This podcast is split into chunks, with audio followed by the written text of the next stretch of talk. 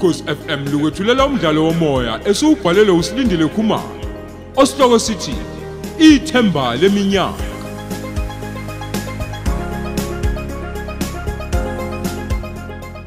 Nasi isiqebu sethu samashumi amathathu nambili.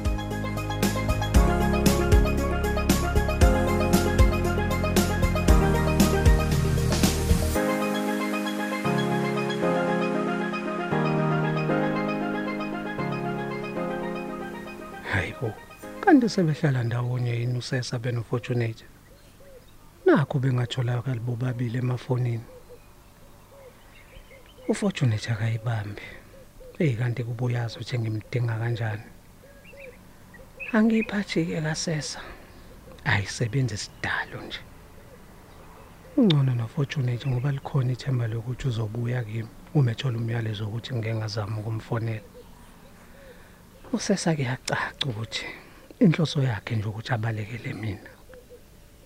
Eh madoda engabe ngayenzani leyangane indlela ebengiyithanda ngayo ngaze ngadela ufortunate ngenxa yokuthanda yona. Kuyadideka ngoba leyangane ngayifica iziphilela nje. Kubonakala ukuthi iphuma ekhaya elihle elinemfundiso iziphethe kahle. Ongangokuba ize yafundiswa yimi ukulala nomuntu wesilisa. Ey kodwa indlela edlobulundele ngayo ayiyangithusa esikhathini esingangeviki nje ey wavele washintsha usesa.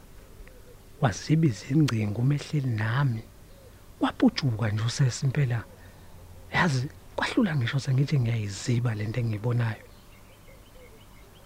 Kanti useveza ubuyena usesi wabantu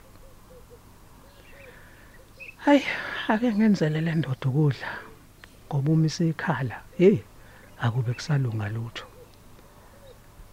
Angifisi yazi ukuhlangana nozamani indlela enginamahloni ngayo ngalento eyenzeka kimi nalengane esikole akayeyifundisa. Eyongikuzile umngani wami kakhulu futhi. Angenzeka lengane ukuthi khona akayeyazela khona. Hey manje nami ngangeke ke ngingathatheki. Ingane iphethe ngale ndlela ebesiphethe ngayo? Hey angazi ngiyombhekela ubani ufortunate. Engimonile kakhulu. Noma ngicelene uzamana ngiphelezele sihambe siyokhuluma naye. Hey madoda beluluhle uthando lethe engakafiki usesempilweni yami. Uqasha umzanyana ngeke kungijabulisa ngoba ngiyasazi isandla sikafortunate enganeni yethu.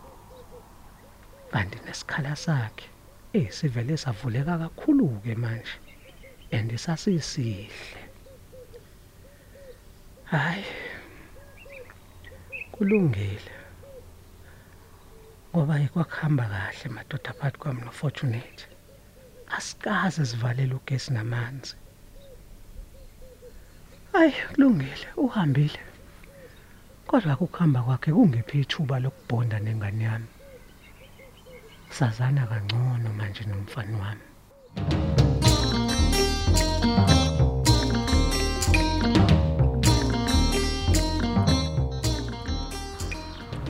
Umcini baba omkhulu zamani. Hayibo kwenze njani phephisa indaba nocabangani ngempela uzivisheke kanjena nje. Ngicabanga lutho ntombi.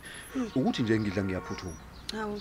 Ku- kukhona la ngisakhona okay. Manje ngiyabona lelanga lishonile bengifuna u- u- ukusheshe ngibuye.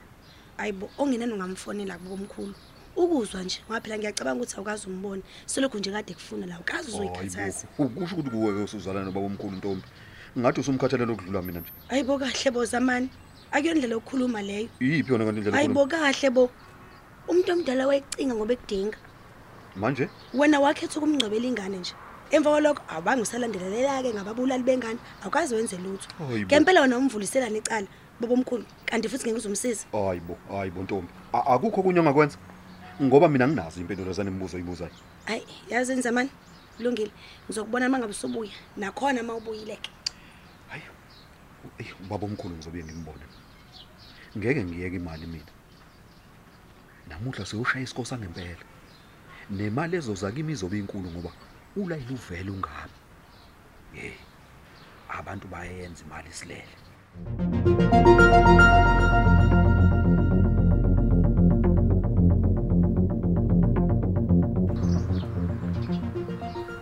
Awusho-ke wemngane manje lo sive ngeke vele ezokubona engashongo. Hayi oh hayi umuntu obhizi kabi loyo yazi mngani? Mhm. ubamba ama-meeting ngapha nangapha uhamba ama-conference kuze kuse nje umuntu nje o- o- hhayi-ke kukahle impela-ke mngani ma kunjalo. Uzoba nje nesikhathi sonke sokwenza lo msebenzi wethu. Awusho uzizwe unjani kodwa? Hey mngani. Hayi ngisathukile kona. Kodwa-ke hayi angiboni lutho nje mina ezoba nzima kodwa ngabe ngiqamba amanga. Hayi leya mali engayibona efletini lakho phela yiningi ngeke. Hayi futhi wena mngani. Kusho ukuthi uma ungabona i-bank balance phela hhayi shi mngani ungaquleka. Hayi bo. Konenye sakhona. Hayi bo mngani. He. he uyadlala wena sesi kuyasetshenzwa la kusetshenzwa imali akudlalwa. Hayi kwakufanele-ke oloyasisi lo owezwa ngaye ngalo msebenzi agcine sesiyekile isikole kanti ha? A-a a hayi mngani. Yeah. uzosiza mina nje-ke sisi awusiyeki nje nhlobo isikole. Mina nawe sizolanda amadigri la. Qinisile yes. Umsebenzi esiwenzayo awuvimbi indawo nje ukuthi siqhubeke nesikole o. Yazi uqinisile avu umngani weqiniso kodwa asakhe ukuthi abantu abazi.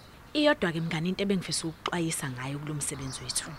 Sisebucayini be-human trafficking sis. Hayi yini-ke manje leyo? Hawu mngani awuyazi. He ayiwena phela mngani i-human trafficking yilapho kuthunjwa khona abantu beshishumbiselwa kwamanye amazwe. Ehe ngizothi nje okay kuyaba zingane ezisuke ziyodayiswa ngenhlu- ngey'nhloso ey'ningi. Kwesinye isikhathi kuthatha abantu besifazane beyodayisiswa ngomzimba kwamanye amazwe. Hayi bo. Futhi thina ngoba sizisebenzela imali kungeyethu yonke babona nje ithuluzi lapha kuwe. Hayi bo kanjani manje mngani? Lalela-ke mngani. Uzoqhubeka wenze wona lo msebenzi kodwa imali ozobe uyisebenzile uyinika bona. Hayi bo. Wena bakholela ushintshi umzimba wami. hayi bo ngeke. Hayi bo sesa kuzobe ukuphoqa mngani ngoba wenzela ukuthi uphile usezweni cabanga ongalazi futhi abangakubulala uma ungafuni ukwenza into eshiwo yibona. Hayi bo. Hayi kubucayi-ke uma ngabe kunjalo asakhe. Pho manje owena wenza kanjani ukuthi bengakuntshontshe ngiyakuvumela kubucayi futhi buningi nobunye ozokutholwa ngokuhamba kwesikhathi. Kodwa-ke ngizokusiza ukuthi ubabona kanjani uma kuyilaba abawenza lo msebenzi. Kanti nawe-ke mngani uzoba nezinto ozozivikela ngazo uma kwenzeka ubone usuphakathi nomsebenzi.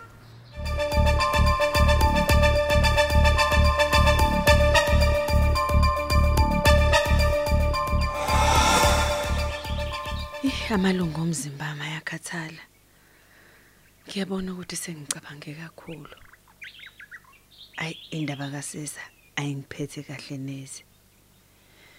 Ngike ngicabange nje nokuyozilahla kumalanga. Ngoba into eyenza ukuthi ngisinde kakhulu lento ukuthi akekho umuntu engikhuluma naye. Ayena osesa kume sengibuza ngobaba wakhe ngivele ngiphelelwe amazwi. Ukube nolwazi umntanami ngalento ukuthi ngivusele isilonda ngabe akayiqali nje nokuyiqala. Ekubeni mina ngicabangela yena ukuthi uzozizwa kanjani uma ngimtshela iqiniso lokuthi watholakala kanjani. Angimfiseli shem lobo buhlungu engibuzwayo. Kungcono ngimthwalele bona ngoba yena awungekalungu samncane. Kukho konke akukhulumayo kimi nakucabangayo. Ngiyamxolela ngoba kalazi iqiniso. Ngisaba ukuthi uma ngimtshela uzoshintsha kakhulu nakulokho okukhona okumenza umuntu. Mhlawumbe naku kuphele. Eh, nginamahloni ngalento ayenzile. Ngiyazibuza nje ukuthi omakhelwane uma bengibuka babona umama ongenazi iziyalo. Umama ohluleka enganeni yakhe yentombazana ngapha kubhidla ngeuntshontsho kwabantu. Ngiyazibuza ukuthi lapha lala khona umntanami kuphephe kangakanani? Uzobona ubani uma kunabantu abamhlaselayo? Okukhulu kakhulu engikwesabayo ulengele esimeni sokunukubezwa njengami. Ngangineminyaka engangeyakhe ngesikhathi ngihlelwe ilisehlo sokunukubezwa. Uzothola ingane angayazi ukuthi eyakwabani isibongo. Siyavuka izilonda.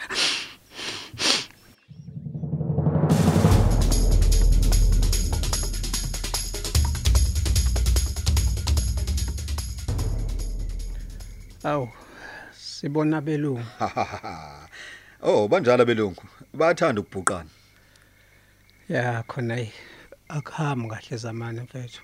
Hayibo ukahle siyandoda eh eh hayibo siya. Wakhala manje mfethu kwenze njani? Khuluma mfethu kwenze njani? Ukuhlula amadoda kuyabikwa siya mfethu. Yini? Hey ngiyabonga ukuthi uzongibona zamani. Mina ngisaphumi lapha endlini hayibo usuphuma um- umoya kusesa kuphela? Ey ey ey zamani angifuni nakulizwe igama lalo ntombazane mfethu. Hayibo bro wami.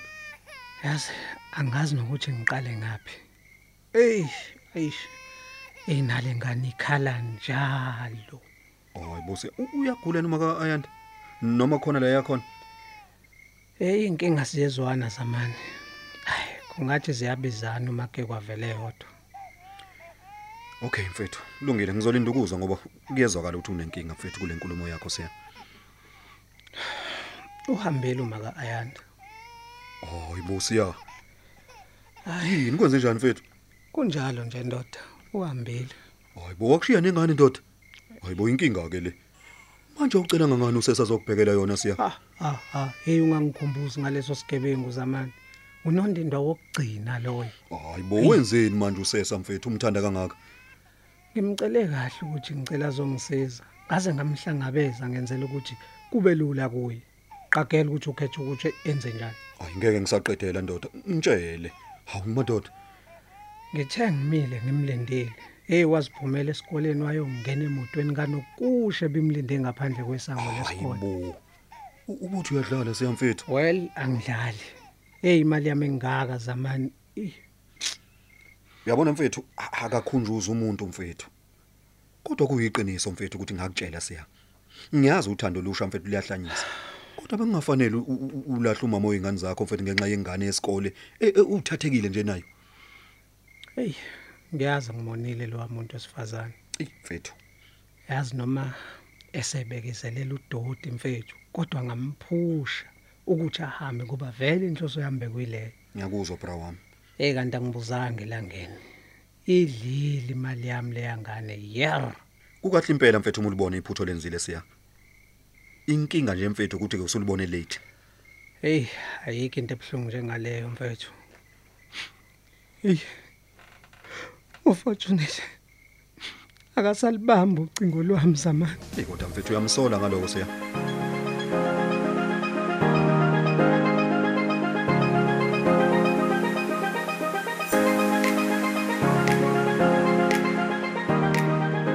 Siubeka lapho umdlalo wethu osihloko sithi ithemba leminyaka eswetshulelwa ukhozi FM